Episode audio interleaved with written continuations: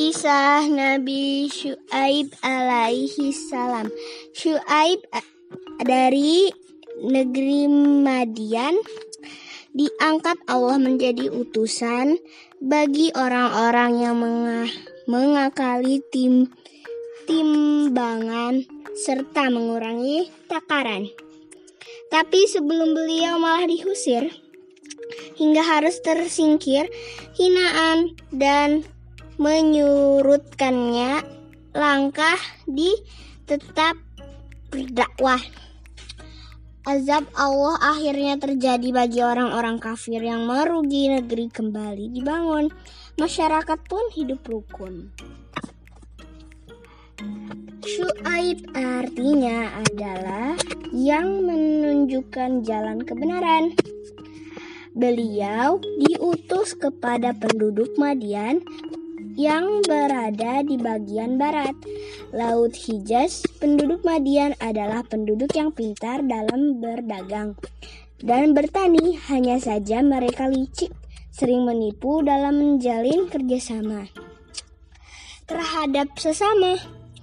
Jika mereka membeli barang milik orang lain, mereka meminta agar takaran dan timbangannya dilebihkan dari ukuran hak mereka. Begitu sebaliknya, jika mereka menjual, mereka berlaku curang dan mengurangi timbangan atau takaran yang menjadi hak orang lain.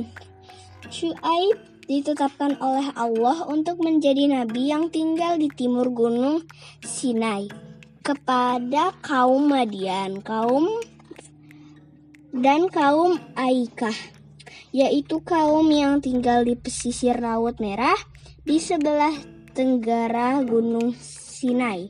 Masyarakat tersebut disebut karena mereka perbuatannya yang tidak jujur dalam timbangan dan ukuran. Mereka menyembah Aikah, yaitu sebidah tanah gurun yang ditumbuhi pepohonan. Shu'aib memperingati mereka karena perbuatannya. Namun itu tidak di hiraukan oleh kaumnya.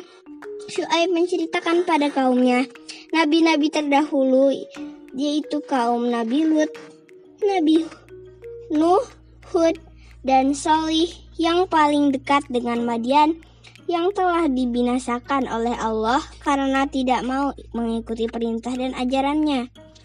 Karena kaumnya tetap membangkang Allah memberi azab dengan ke beberapa tahap.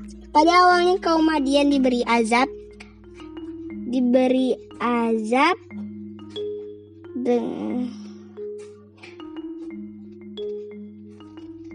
diberi saudara yang sangat panas dan membakar kulit dan membuat dahaga sampai-sampai bangunan dan rumah-rumah tidak dapat dijadi dijadikan sebagai tempat berteduh. Kemudian Allah memberikan gumpalan awan gelap untuk kaum Madian.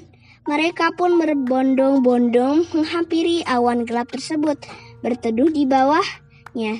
Akan tetapi setelahnya Allah menurunkan petir dan suaranya yang sangat dahsyat dari awan gelap tersebut. Saat itu juga Allah menimpakan gempa bumi yang sangat luar biasa sampai seluruh penduduk Madian yang murka itu hancur lebur menyatu dengan tanah.